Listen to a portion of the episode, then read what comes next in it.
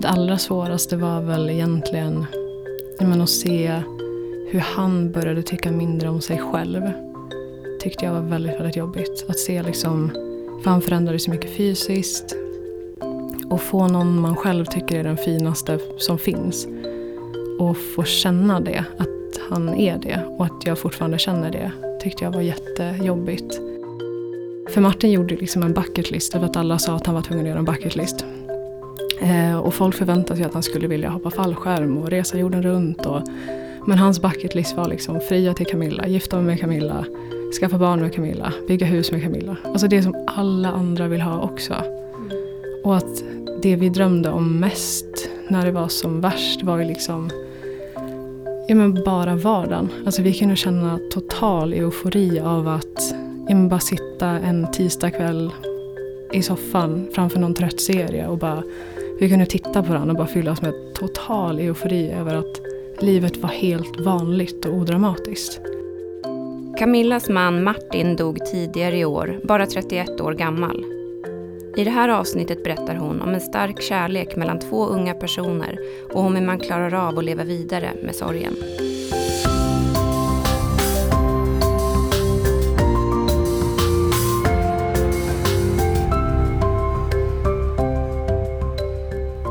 Idag har jag med mig Camilla här i studion och du är här för att berätta för oss om hur det är att leva tillsammans med någon som är väldigt sjuk i cancer. Din man Martin dog tidigare i år, eh, bara kort efter att han hade fyllt 31 år. Välkommen hit Camilla. Tack så mycket. Hur känns det att sitta här?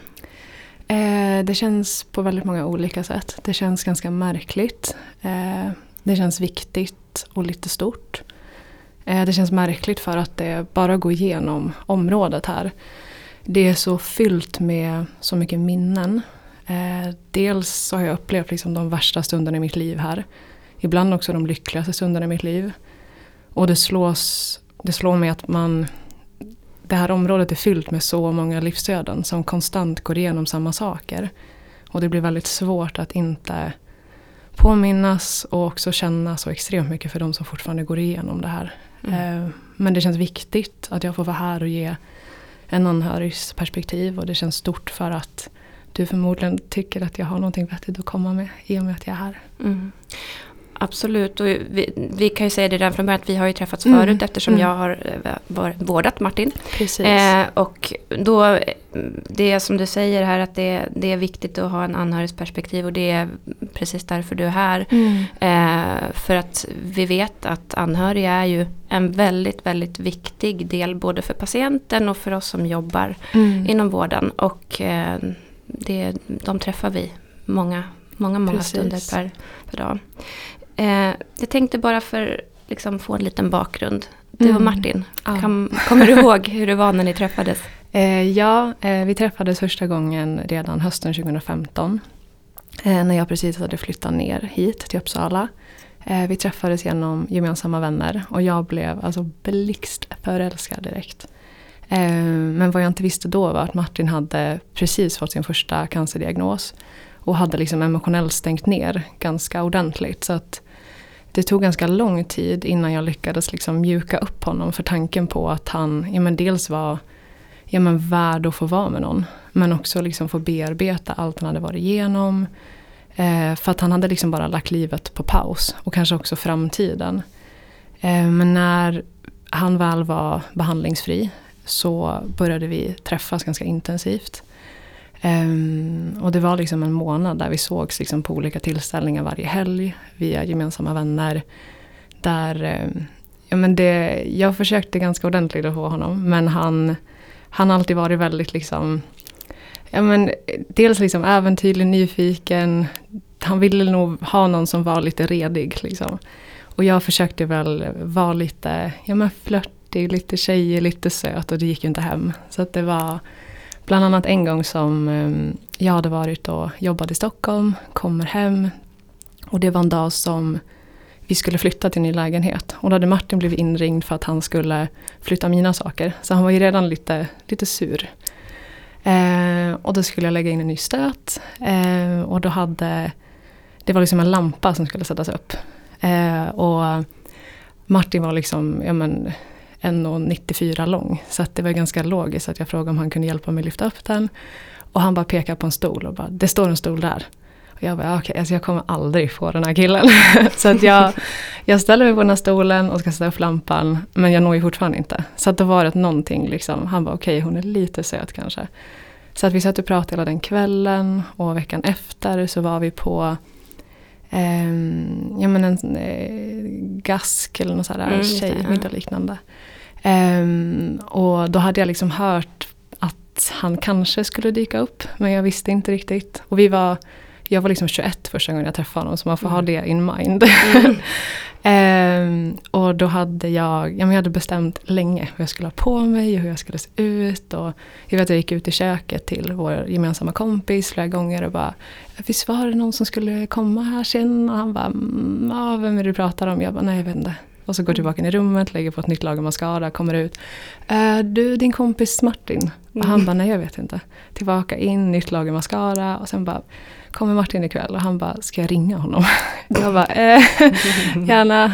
Och då, och liksom, då hade jag liksom fixat att jag skulle göra liksom så jättestor entré och bara så ha rätt kläder och bara så låta en så här hoodie bara så här glida ner lite för ryggen. Så att ja. de skulle liksom se mig men han var helt upptagen med sin killkompis. Han såg inte mig för fem öre. Så jag bara, nej okej, okay, dödsstöten. Går tillbaka in och liksom hittar en tröja som var lite så djup i ryggen. Mm. Kommer tillbaka in och bara tänker liksom släppa ner den där tröjan och bara få världens reaktion. Och då liksom första gången som han bara ja, men typ såg mig ordentligt. Alltså hakan droppade. Och sen då vände någonting. Okej, okay, okej. Okay. Uh, ja. eh, och sen då från att vi helgen efter, vi hade haft någon eh, inflyttningsfest och jag och Martin hade suttit och pratat hela kvällen. Eh, och han var nog ganska säker på att jag inte riktigt visste vem han var. Vilket var ganska obvious att jag visste. Men han hade gjort som, liksom en så stor inre resa i och med cancern och hade nog stängt av allting. Um, så att han trodde nog att jag trodde att han var liksom någon annan. Um, men den kvällen när alla hade gått hem och jag skulle börja liksom göra mig klar för att sova. Och Martin var liksom ja, men väldigt, ja, men inte kanske blyg, men väldigt liksom respektfull och skulle aldrig göra något liksom, ingenting som är liksom utanför boxen. Så, och så mm. väldigt, väldigt respektfull och snäll. Um, men den här kvällen var han liksom så bestämd. Han visste liksom vad han ville göra. Så att um, jag började liksom tacka för mig. Jag bara, det börjar bli lite sent, kanske dags att gå hem. Så han bara, ja. Så här. Jag bara, jag ska gå och sova nu. Eh, och han bara, okej. Okay. Så han bara följer med mig in till sovrummet. Och då jag träffat Martin, han, det känns inte som någonting han skulle göra. Liksom. Eh, vi kommer in där och jag bara, vad händer? Liksom. För jag har försökt nu hur länge som helst att få den här killen. Um, men han bara hoppar ner i sängen. Liksom. Och sen så hela den natten så ligger vi och bara pratar om våra liv. Liksom. Okay. Att han berättar allt om sin cancer och jag om hela mitt liv. Och vi men, pratar om allt. Och från den, att vi vaknar morgonen efter så har vi liksom inte varit ifrån varandra. Eller inte pratat på längre än kanske max en timme fram tills han dog. På alla de här oj. åren. Ja. Oj, oj, oj. Ja. Så det var verkligen liksom en så här ja, men en ordentlig, så här, jag tror inte man upplever sånt mer än kanske en gång i sitt liv om man ens gör det. Liksom. Om man ens gör det, precis. Ja. Oj, eh, men du sa, du sa i början där att mm. när du träffade Martin så var han inte riktigt liksom, mottaglig. Nej. För att han eh, på något sätt var, ja men hur uttryckte det, att han, hade, han liksom levde lite dag för dag och var inte... Ja, alltså jag tror att han, dels så använde han ju ord som att han tänkte att han var lite förbrukad. Eller någon mm. man liksom inte kunde älska längre. Att han var liksom ja, men lite liksom befläckad eller ett osäkert kort. Mm. För att han hade haft då för cancer. Att han hade haft cancer. Ja. Som han då hade behandlats för mm. och inte hade någon sjukdom då när Precis, träffades. Exakt. Okay. Mm. Eh, men sen så tror jag också för att skydda sig själv så tror jag att han hade han hade nog bara accepterat, för det sa han till mig då, att antingen så kommer jag förmodligen leva resten av mitt liv cancerfri men ensam. Eller så får jag cancern tillbaka men då kommer jag inte vilja göra fler behandlingar.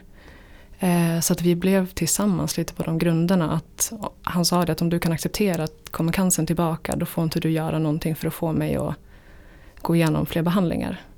Eh, Varför vill han inte det? För att jag tror att det var en kombination av att han var väldigt ja, men, traumatiserad.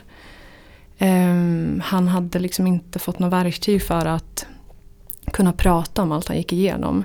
Så att han kände sig nog väldigt ensam både inför liksom sin familj och vänner och inför vården. Och han hade nog väldigt mycket ja, med bagage han inte riktigt visste vad han skulle göra av mm. där och då. Okej, så ni gick in i ett passionerat förhållande där mm. ni liksom då le, levde ihop under premisserna att om det kommer tillbaka då, ja. då kommer jag inte vilja ha mer behandling. Ja. Uh, och sen gick det en tid. Mm, precis. Hur eh, många år gick det innan han? Eh, från att vi började träffas ordentligt då, för det gick väldigt fort liksom att vi började flytta ihop och vi köpte lägenhet. Så då var det i, eh, på nyårsdagen 2018.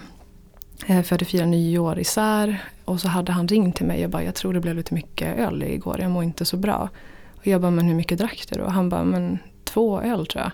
Och jag bara det där mår man inte så dåligt av. Så att jag åker ner eh, ifrån Jämtland där jag kommer ifrån. Eh, och på den natten så blev han liksom jättedålig så vi åkte in. Eh, och det visade sig till slut att han hade fått en blodförgiftning. Eh, men sen från det att vi började känna att någonting är fel här. Han hade så, ja men hans kontroller var liksom bara två gånger per år då. Um, eller ja, jo precis. Mm. Um, och då blev det att vi fick vänta nästan ett halvår tills vi fick en röntgen och fick reda på vad, om det var någonting. Så att det blev liksom, det tog väldigt lång tid från att vi började misstänka att det var någonting till att vi fick besked och det var inte förrän ja, sommaren då. Mm. Och då hade cancern kommit tillbaka? Precis, så hade de hittat en liten fläck i levern. Och de visste där och då inte om det var, jag menar, det hade kunnat vara någon inflammation, eh, någon liten blödning eller en metastas. Mm. Och vi... Kommer du ihåg hur, hur det var då när ni fick det beskedet att cancern, när ni till slut fick beskedet att det var cancern som var tillbaka? Mm. Hur Martin reagerade och hur du kände? Och... Ja, alltså det har varit olika för han har ju fått tillbaka cancern så himla många gånger. Eh, för han har varit sjuk i sju år. Eh, och när vi fick reda på att det kanske var cancer, den dagen då var vi liksom fortfarande liksom så här unga, naiva, vilket är det man ska vara. Eh, så när vi fick det beskedet så valde vi bara att vi gick hem, vi tog fram en karta, en glasflaska och så snurrade vi den och bestämde oss för att vi ska åka dit glasflaskan pekar. Tyvärr blev det Eskilstuna. Men bara för att den dagen inte skulle vara dagen han kanske fick tillbaka sin cancer. Utan dagen som vi åkte till Eskilstuna, tog en kebab och åkte hem. Um, så att vi valde att se det väldigt positivt. Um, men sen när vi fick det ordentliga beskedet så var det jag, han och hans pappa med. Um, och jag hade liksom bestämt mig för hur jag skulle reagera. Men man insåg ganska fort att det går inte att bestämma sig jag för hur man ska säga det. Kan man bestämma sig för det? Ja. Nej, jag trodde att jag skulle vara liksom stark och positiv och liksom komma med bra liksom peppiga ord. Men det var bara någonting som låste sig i mig. För Martin var, han var tacksam när han fick det beskedet. För att han hade föreställt sig att nu tar mitt liv slut. Eh, så att han var bara tacksam över att det var en liten fläck i levern. Men för mig var det liksom, det var på riktigt. Att nu händer det här. Så att jag vet att de gick iväg eh, på en promenad och jag kände att jag behövde lite tid. Men jag hinner ta liksom något steg innan mina knän bara viker sig liksom här utanför liksom akademiska. Eh, men efter det så bestämde vi oss för att det skulle gå bra. Men... Var ändrade han sig plötsligt från att inte vilja eh, gå igenom behandlingar igen till att nu kör vi? Vad var det som ehm, hände tror du? Eh, när vi har pratat om det så var det liksom att han fick för lite hopp på något sätt. Att när vi liksom började träffas och han insåg att det går att ha ett liv efter cancer. Eh, att han är värd att vara med någon. Att han började liksom hitta sig själv igen och vi flyttade ihop. Så vart det liksom, jag tror att han kände att han hade, menar, han hade någonting att kämpa för. Mm. Eh, så då blev det Alltså då var det liksom ingen fråga om det alls. Jag var väldigt orolig att han inte skulle vilja gå igenom behandlingen. Eh, men den gången var det ganska lindrigt om man får säga så. Det blev bara en operation. Och det var inte förrän året efter, hösten 2019, som jag kände att det liksom blev på riktigt. Eh, för det var första gången vi träffades, du och jag. Mm. Eh, och den var helt annorlunda.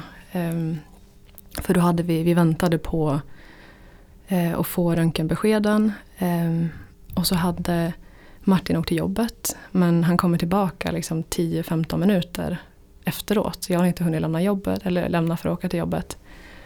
Och han, han bara rusar in i sovrummet med liksom kläderna på, skorna på, lägger sig på sängen och börjar hyperventilera och börjar liksom prata om att så här, jag har redan ringt banken, jag kommer kunna ta dig ur bolånet, du kan flytta ut när du vill, det är ingen fara. Och jag bara, vad är det som händer? Och jag visste att vi väntade på röntgenbesked men jag visste inte så här, har han fått liksom ett dödsbesked nu? Eller någonting lite tillbaka, jag hade ingen aning, jag var helt otröstlig. Och gjorde liksom slut med mig där och då. Eh, för att han tyckte liksom att det här är för mörkt, du ska inte se det här, det blir för jobbigt. Um, och mitt i det så ringer du. Um, och säger bara att eh, det är nog bra att ni kommer till Akademiska nu. Uh, så jag ska försöka göra honom klar för att liksom ta sig dit. Och jag vet fortfarande inte vad som händer. Så till slut så bara jag lägger mig liksom på honom och håller ner honom. Och så här, oavsett vad de har sagt till dig så är jag med här. Jag är med dig till slutet oavsett om det blir nu eller om hundra år. Mm. Fick honom lugn, vi åker in. Och jag minns det som att det var Alltså jag hade väldiga overklighetskänslor. För att du fokuserade självklart på Martin, vilket är det du ska göra. Och säger liksom allt man ska säga om att du är ung, du är stark, du kommer klara det här. Martin är jätteledsen. Och jag, liksom, jag förstår jag vet ju fortfarande inte vad som har hänt. På vilken skala vi är på. Mm. Så jag minns att jag började skratta. Um, för det kändes som jag satt i dolda kameran. Mm. Och jag vet att ni tittar på mig och bara vad håller hon på med?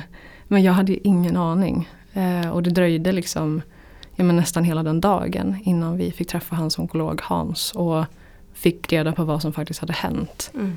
Eh, och att det var tillbaka på lite fler platser. Men att det mm. fortfarande var behandlingsbart. Mm jag tänker liksom den här kontrasten från att vara liksom nykära, mm. livet framför sig, allting mm. är härligt. Mm. Och sen plötsligt så, ja, mer och mer successivt så mm. blev ju Martin sjukare. Mm. Eh, och det påverkade ju förstås honom på vissa fysiska sätt och, mm. och naturligtvis på psykiska sätt också. Men hur skulle du säga att det liksom påverkade relationen mellan er? Att han plötsligt var en sjuk person?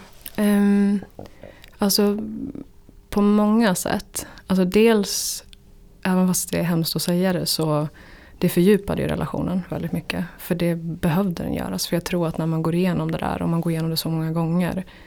Då ställs man inför att man antingen måste välja varandra fullt ut, helt blottat. Mm. Eller så gör man inte det. För det går inte att vara i den situationen halvhjärtat. Så vi blev ju extremt nära på ett sätt jag inte tror man kan bli nära någon om man inte går igenom sådana här kriser.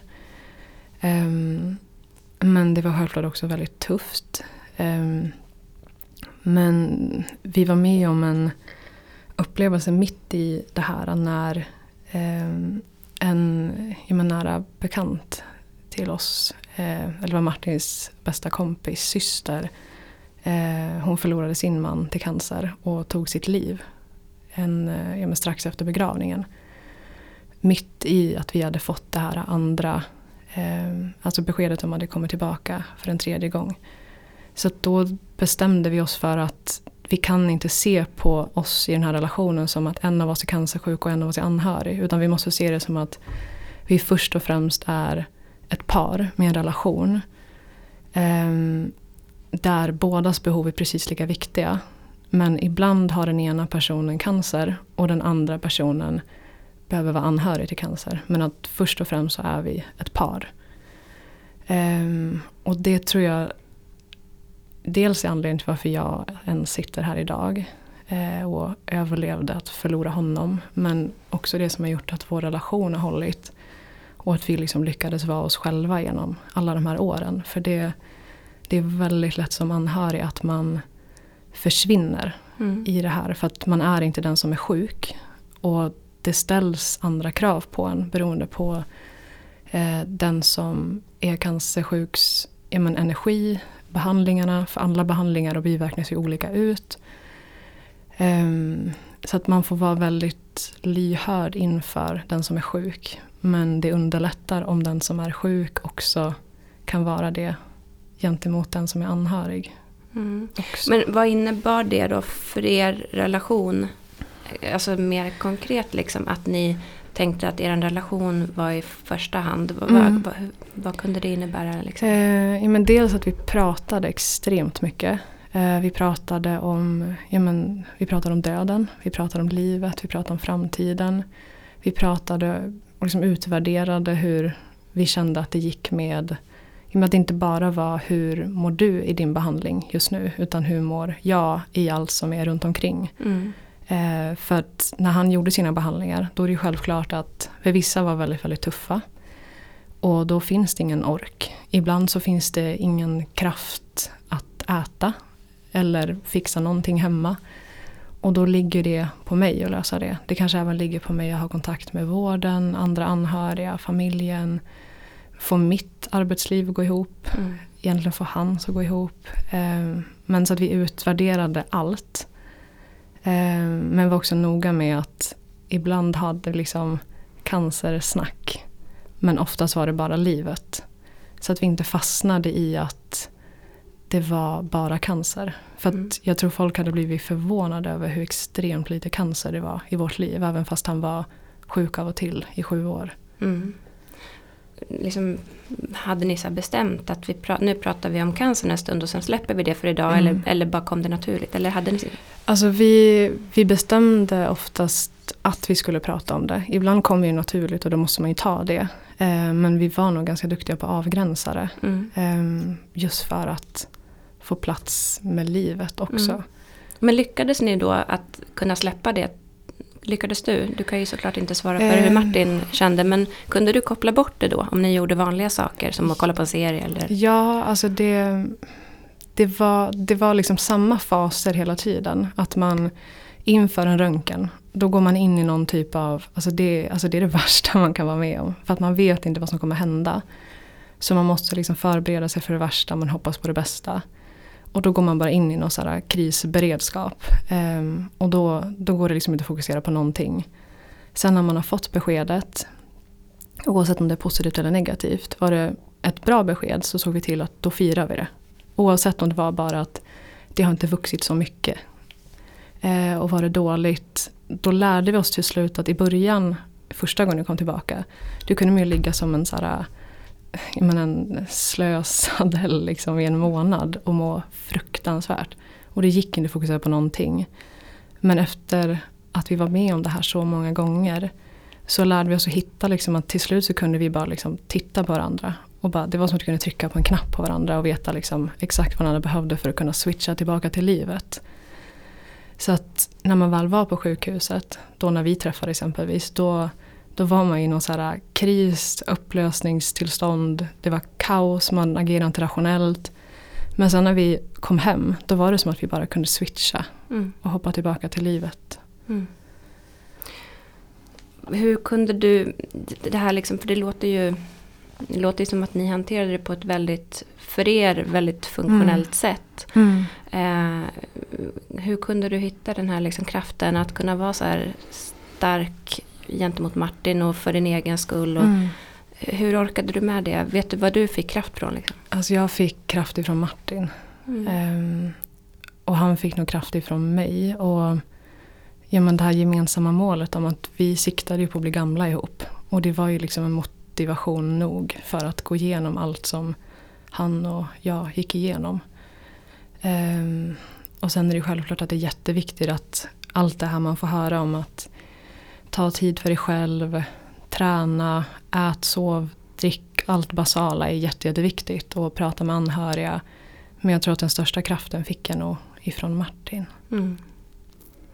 Men du kände att du kunde göra saker för dig själv utan att liksom få dåligt samvete? Eh, nej, det var nog det svåraste tror jag. Eh, och det har jag hört sen att det är ganska vanligt. Mm. Eh, att det är väldigt, väldigt svårt att känna att man för man, som jag sa innan, alltså man försvinner lite. Eh, att i början så var jag väldigt, väldigt noga med att jag behövde platser där jag kunde vara bara mig själv och inte hon som har en kille, sambo, man med cancer. Eh, så att jag berättade inte för någon på jobbet. Eh, jag berättade inte för mina vänner. Jag berättade inte för min familj utan jag behövde liksom jag behövde liksom andrum. Men till slut så nådde man en punkt när det inte var hållbart längre. Och då var det också en fas av att det var flera år där, där folk, inte för att de menade illa utan för att det bara blev så, så fort de såg mig frågade hur är det med Martin? Och sen glömde de bort att fråga hur jag mår. Mm. Och till slut så glömde jag bort att fråga mig hur jag mår mm. och vad jag behöver. Um, och när man har nått den punkten så blir det svårt att se att man ens har behov. För att det blir så skamligt att känna att ja, men allt hemskt som Martin går igenom. Och så känner jag att jag behöver Alltså det, det blir så futtigt. Mm. Även fast man också förstår sen att det är viktigt att man själv mår mm. bra för att orka stötta någon. Mm. Men det är svårt att ge sig själv det utrymmet då. Mm. Hur, hur, när ni liksom började förstå att det var mer allvarligt, eller du säger att det blev mer liksom att han fick tillbaka det många gånger och mm. han det började sprida sig och han fick gå på mer och mer behandlingar mm. och sådär. Hur, kan du säga någonting, du har ju varit inne på det lite grann, men prioriterade ni annorlunda? Eh, kunde ni ha liksom, blev framtidsplanerna kortare steg framåt eller kunde ni fortfarande planera långt framåt? Eller hur, mm. hur prioriterade ni om i um, livet? Liksom? Vi prioriterade om, prioriterade om ganska mycket. Alltså det skedde ju väldigt successivt för oss. Eh, så att där och då var det svårt att se att det förändrades. Um, men dels så, vi planerade ju aldrig längre än tre månader framåt. För det var ju liksom nästa kontroll. Så att livet blev ju väldigt, väldigt litet. Um, men, och det blev ju också att vi kanske prioriterade ja, men Martins, det han ville göra. Och de människor han ville träffa mera än det jag ville. Just för att vi hade ju som sagt ett långsiktigt perspektiv. Men vi var också tvungna att ha en parallell tanke om att om det inte går bra så är det viktigast att han får det han har behövt. Um, men det, som sagt, alltså det var inte förrän sista ja men, tre månaderna som det faktiskt var att vårt liv påverkades mycket. För det, han var ju jättesportig och äventyrlig och fortsatte att liksom springa maraton. Han åkte Vasaloppet och vindsurfade, klättrade, vi vandrade. Allt det här pågick samtidigt. Så att Martin var ju väldigt liksom fysiskt stark och pigg hela vägen. Han var ute och joggade dagen innan han dog. Så att, det, ja, så att han, vårt liv var väldigt opåverkat på sätt och vis. Samtidigt som att det började ta upp mer och mer av vår tid. Eh, Hur, vi, på vilket sätt tog det upp tid? Att han eh, var så ehm, sjuk? Nej men kanske främst att vi behövde anpassa att, jag menar, om vi kände att nu, men lägga upp sommarplaner exempelvis. Mm.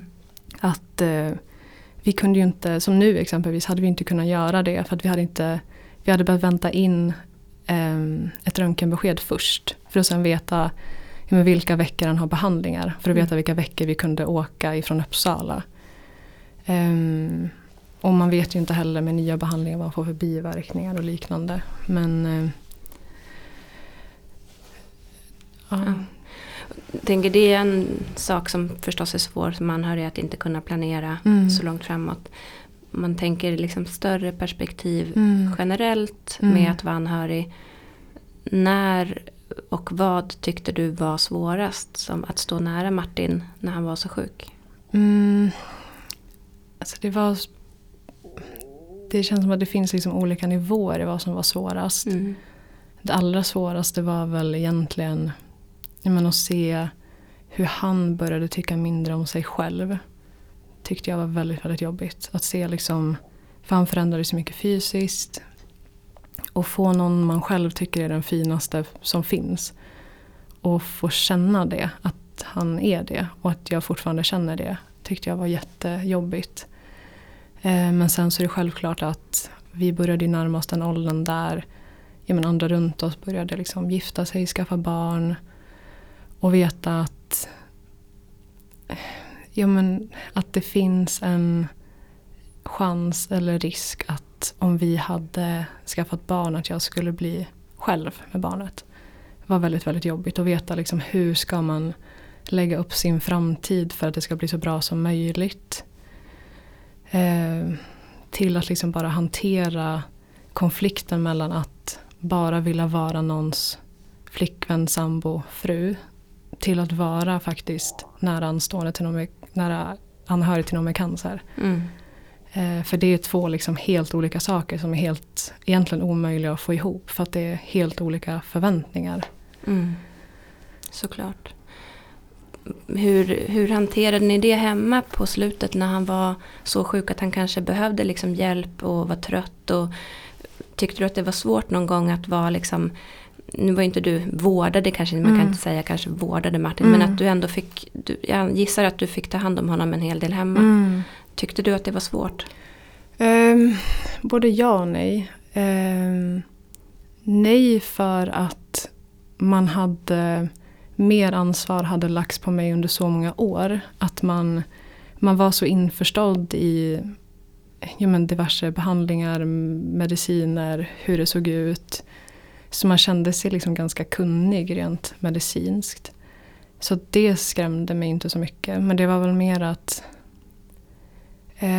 det svåra och det som var jobbigt var att ja, men maten tyckte jag var jätte, jättejobbigt. För det, hans näst sista behandling var väl den som faktiskt var den enda han egentligen tagit som har varit liksom, eh, tuff på riktigt. För den var alltså riktigt rävgift. Ehm, Han mådde illa och så eller? Alltså riktigt dåligt. Eh, för då hade han ju behandlingar en vecka eh, på Akademiska.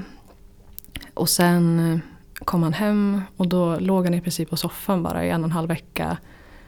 Och då låg det ju på mig att men hela mina dagar gick ut på att liksom hitta någon mat han kunde få i sig den dagen och försöka trycka i honom den. Och ibland kunde jag liksom göra sju, åtta olika måltider som jag sedan hade försökt att liksom berika utan att han märker det.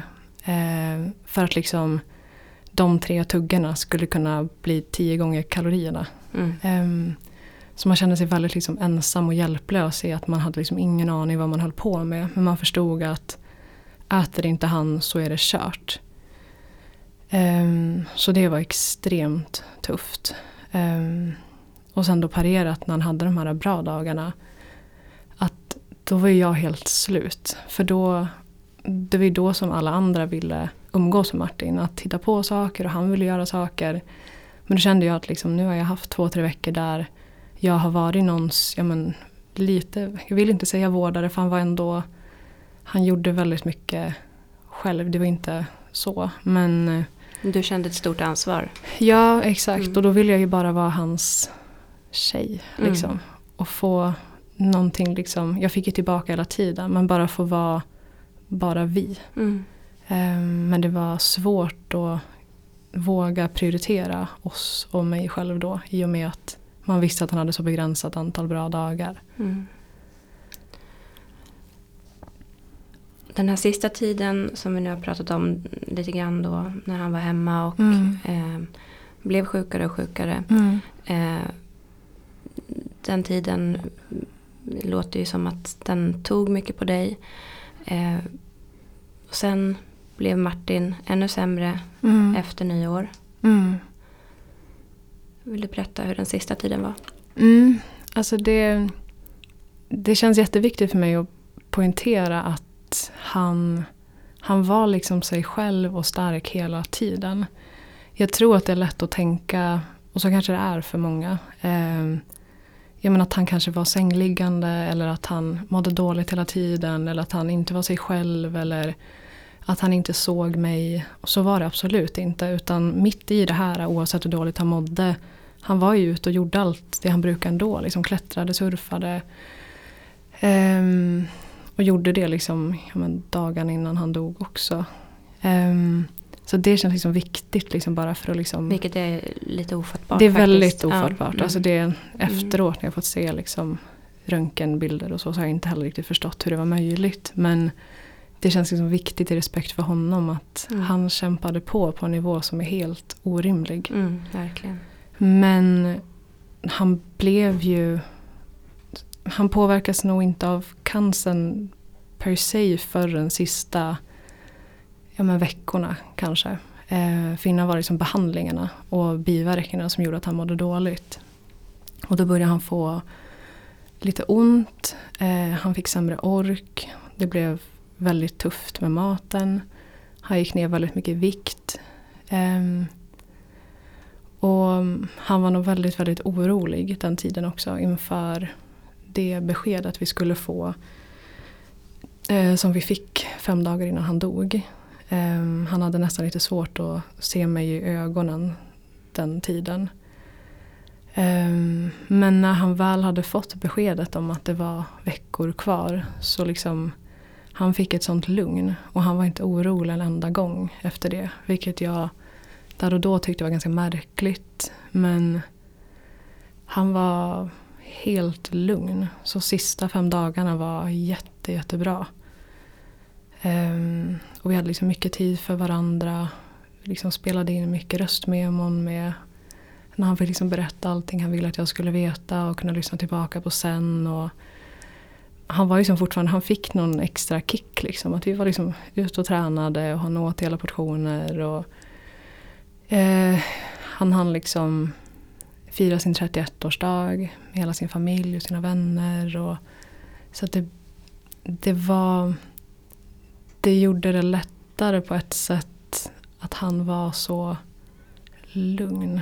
Mm. Att det kändes som att han var så tillfreds med hur han levt. Mm. Att acceptera hur det blev. Kunde du känna det lugnet också då? Eller? Um, jag tror att jag inte förstod vad som skulle hända faktiskt. Um, för det, hur mycket man än förbereder sig för det så är det helt omöjligt att förstå hur någon kan finnas och sen inte finnas längre. Uh, särskilt med tanke på att det var pandemi och jag och Martin hade ju varit med varandra hela tiden under mm. två år. Och han hade inte kunnat träffa andra på samma sätt. Um, så det var, jag var nog väldigt orolig i början. Men sen så var det det märkliga att så här, livet kommer alltid tillbaka på något sätt. Till och med efter ett sånt här besked. Eh, så blir det vardag igen. Vilket är så sjukt märkligt men också skönt. Mm. Att det, man reser sig från det också. Och vi kunde liksom prata om döden nyanserat och Martin han liksom berättade ja, men hur han hoppades att jag skulle leva mitt liv framöver. Att han ville att jag skulle träffa någon och bygga det livet som vi tänkte ha.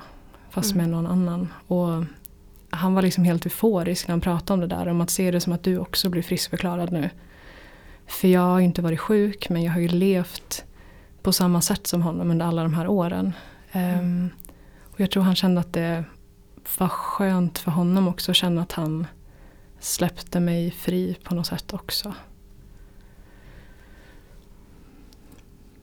Oerhört starkt och fint. Mm, mm. Väldigt rörd när man ja. hör det. Är det någonting du skulle vilja säga till andra anhöriga i din sits som kanske går igenom det här nu eller som mm. är oroliga över att gå igenom det här? Um, ja, det finns extremt mycket jag skulle vilja säga. Både mm. till andra som går igenom samma sak som jag. Men också de som står runt de som går igenom det här. Um, för de som går igenom samma som vi har gått igenom och kanske är min sits. Som kanske står inför, de kanske fått ett nytt besked och inte förstår hur man ska få ihop livet. Eller någon som har fått ett besked om att nu kommer personen försvinna. Så hade jag nog velat säga att det men dels att våga prata med den som är sjuk. Alltså prata, prata, prata. För det, man kan tycka att det är jättejobbigt att prata om döden. Men jag upplevde det som att när man väl började göra det så var det skönt både för den som är sjuk. Att kunna känna att man får säga alla tankar. Eh, och det var också skönt för mig att veta att om det värsta händer så finns det en plan. Alltifrån att det finns ett testamente till att personen har tid att skriva sin sista vilja. För när du står där och livet har rasat. Att ha det där pappret när det står vad den personen ville. Alltså det är ovärderligt. Mm. Och sen också lita på att eh, eh, om du står inför att förlora någon. Jag kände att hur ska jag kunna få ner allt jag behöver säga till Martin så att jag inte kommer ångra någonting hela mitt liv. Men då fick jag rådet av en vän eh, att så här, men ni har ju levt ihop så länge. Det finns ingenting du kan säga nu som han inte redan vet. vilket han höll med om. Liksom. Att våga vara i nuet. Även fast man på något sätt så börjar man ju sörja personen långt innan. Eh, och man får vara snäll mot sig själv där. Att det går inte ibland att vara i nuet. Eh, men jag fick ett råd ifrån någon när Martin hade dött. Eh, för det, det var liksom en smärta som inte går att beskriva. Eh, men då fick jag ett råd om att se sorgen som randig. Eh, att i början så är det liksom det är svart hela tiden. Och det är så mörkt och det är så svart att man tror att livet är svart. Men se det som en väldigt, väldigt bred svart rand och till slut så kommer det en vit rand, även om den är trådsmal. Och sen successivt så kommer de svarta ränderna bli smalare och de vita ränderna bli bredare. Så när man är i det svarta och känner liksom att man vill inte finnas längre. Då tänker man att snart blir det vitt. Och när det är vitt och man mår lite bra. Eh, att man vågar känna att så här, det är okej okay att jag är lite glad just nu. För att jag försöker bara bygga kraft inför att det blir svart igen snart. Och det hjälpte mig att inte känna sån skuld. Över att jag fortsatte få leva och inte han. Um, och också att våga lyssna på andra som var igenom samma saker. Jag hade nog mått väldigt bra av att få höra att man kan överleva något sånt här när jag väl var i det. För jag var livrädd över att när Martin dör, då dör jag också. Mm. Och jag var liksom beredd på det. Um, men när man är där så vill man inte höra om de historierna när det inte slutade bra. Men bara för att någon dog behöver inte det betyda att det inte slutade bra. Utan det där vad som är att sluta bra förändras. Mm. Att det får sluta för någon omringad av sin familj utan smärta och oro. Det kan vara det bästa tänkbara. Liksom, även om man helst inte vill att det slutar så alls. Um, och sen att våga söka hjälp. Um, våga lita på att även fast man känner att ens egna behov inte är viktiga, att de faktiskt är det. Um, men sen också för de runt de som står närmast. För när man väl är i det där så alltså man agerar inte rationellt. Man är liksom i en kris hela tiden som bara påföljs av nya kriser.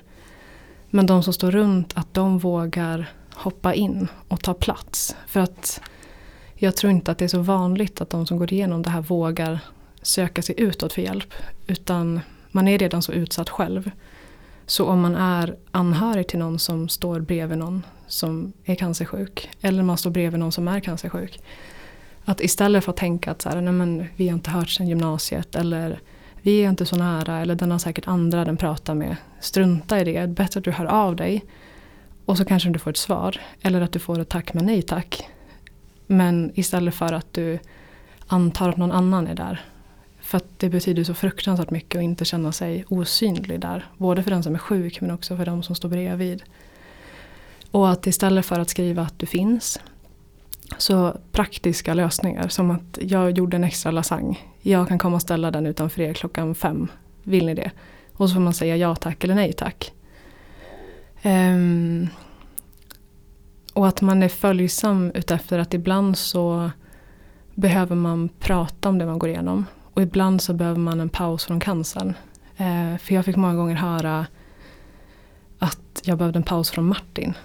Det gjorde jag ju aldrig. Men ibland behövde han och jag en paus från cancern. Mm. Och att ge någon den pausen kan vara att inte Alltså att respektera att om man frågar någon hur personen mår, om man säger att det är bra, låt det vara så. Mm. Gå inte in och fråga om behandlingar eller hur det ser ut med prognos eller någonting för det för då kanske man bara vill ha det vanliga livet. Ja, men liksom, man vill bara ha vardagen. Mm. Um, och att inte lägga på någon att man ska göra det stora i mm. livet. För det för Martin gjorde liksom en bucketlist för att alla sa att han var tvungen att göra en bucketlist. Ja, uh, och folk förväntade sig att han skulle vilja hoppa fallskärm och resa jorden runt. Och, men hans bucketlist var liksom fria till Camilla, gifta mig med Camilla, skaffa barn med Camilla, bygga hus med Camilla. Alltså det som alla andra vill ha också. Mm. Och att det vi drömde om mest när det var som värst var ju liksom ja, men bara vardagen. Alltså vi Mm. kunde känna total eufori av att ja, bara sitta en tisdagkväll i soffan framför någon trött serie och bara vi kunde titta på varandra och bara Mm. fyllas med total eufori över att livet var helt vanligt och odramatiskt. Mm. Så att, ehm, och sen om man får vara sån också att jag hade nog velat säga vissa saker till vården också. Ehm, och inte på ett sätt som att säga, jag förstår, alltså man har sett så himla många eldsjälar som man inte ens förstår vart de får kraften ifrån. Um, men det, det känns ibland som att man glömmer att även om man själv känner att man har en jättejobbig måndag, man vill helst bara hem. När man går in till någon, eh, när man jobbar, att man påminner sig själv om att även fast man själv är där i sin profession, när du knackar på och kanske bara stormar in, du kliver ju rakt in i någons mest intima, privata privatliv. Och det värsta som händer dem. Eh, för vi är inte där i vår profession, vi är där som privatpersoner som är sköra och utsatta. Och att allt man gör där och då blir så viktigt. Att bara att ja, men de som har hälsat på mig, eh, kanske frågat liksom, eh, vill du också ha en kopp kaffe? Det kanske känns som det mest pyttelilla man kan göra men alltså det betyder så mycket att det är helt sjukt. Att bara veta att man finns och att man syns och att man betyder någonting. Eh, för jag minns att det var en sjuksköterska som en gång efter att Martin hade haft en operation och jag hade varit där liksom från tidig morgon till två på natten varje dag. Och så försökte jag liksom jobba ikapp mina timmar, ja men fem timmar på nätterna samtidigt som jag skulle sova, äta, fixa allting hemma. Och hon liksom stack till med en liten äppeljuice innan jag gick. Ehm, och alltså det, jag kommer liksom aldrig glömma det för att det sa så mycket för mig. Att, så här, men att hon såg mig att hon antog att du har inte ätit något idag. Mm. Ehm, och nu menar jag inte att vår personal ska liksom lägga sin dyrbara tid på att ge äppeljuice till anhöriga. Men det, det är så små saker som gör så fruktansvärt mycket för en. Eller bara eh, en annan sjuksköterska som efter att vi hade fått ett jättehemskt besked. Eh, hon högg tag i oss och förklarade för oss att hon hade haft cancer som ung men överlevt. Och jag vet inte om man egentligen får göra så men alltså bara att skänka folk hopp Mm. jag förstår om man är rädd som eh, vårdpersonal att våga, att man kanske känner att man ljuger för någon. Men där och då så känner man inte att det är ljug. Man vill bara ha hopp för att orka andas. För det hoppet gör så mycket och är så tacksamt när man får det. Mm. Så att, ja. Jättefina ord och jag håller med om att anhö alltså anhöriga är, det är vårt jobb också att Mm. ta hand om anhöriga. Så det, Mm. och jag tror att det betyder väldigt mycket. Det är väldigt viktigt att man har anhöriga som kan Ja. hålla ihop runt patienter. Mm. Eh, för att det ska funka bra för alla. Så det, Mm. jag tror att det är jätteviktiga ord som du säger. Ehm, jag tycker det är så fint att se att du ler Ja. igen. och att du tar dig igenom det här. Mm. Och att ränderna, de vita ränderna kanske blir större och större. Mm. Även om jag vet, ser och förstår att du saknar Martin enormt. Mm. Såklart. Mm. Stort tack för att du kom hit Camilla. Tack så mycket. tack för att jag fick komma. Och tack till alla er som lyssnat. Vill ni lyssna på oss igen finns alla avsnitt tillgängliga på vår hemsida www.enpoddomcancer.se eller i din mobilapp där du lyssnar på poddar. Om du vill komma i kontakt med oss finns vi på mejladressen enpoddomcancer.akademiska.se. Hej då!